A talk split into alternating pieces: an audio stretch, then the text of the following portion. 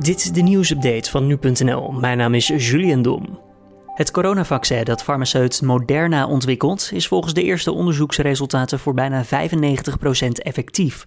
Volgens Moderna zijn er geen grote problemen aan het licht gekomen tijdens het testen van het vaccin. Het is de tweede keer deze maand dat er veelbelovend nieuws naar buiten komt over een potentieel coronavaccin. Vorige week maakte Pfizer bekend dat hun vaccin tot meer dan 90% effectief is. Het middel van Moderna krijgt, net zoals het vaccin van Pfizer, een versnelde beoordeling, waardoor het uiteindelijk eerder dan normaal het geval zou zijn op de markt kan komen. Het RIVM meldt maandag 4873 nieuwe positieve tests. Dat is een behoorlijke afname ten opzichte van zondag, maar wel een lichte stijging ten opzichte van vorige week maandag. Na de tijdelijke verzwaring van de gedeeltelijke lockdown op 2 november begon het dagelijkse aantal nieuwe besmettingen een daling in te zetten.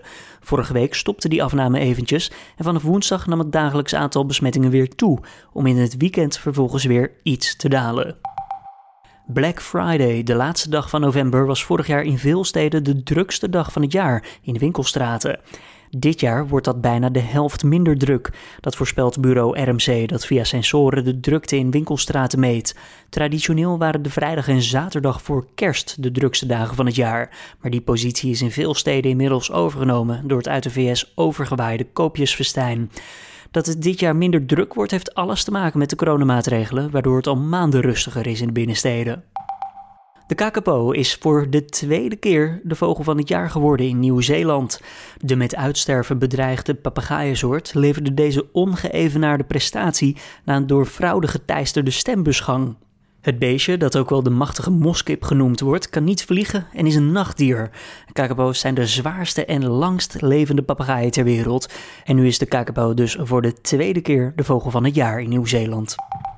De ministerraad is akkoord gegaan met het benoeming van Henk van der Zwan tot ambassadeur in Suriname. Dat meldt het ministerie van Buitenlandse Zaken.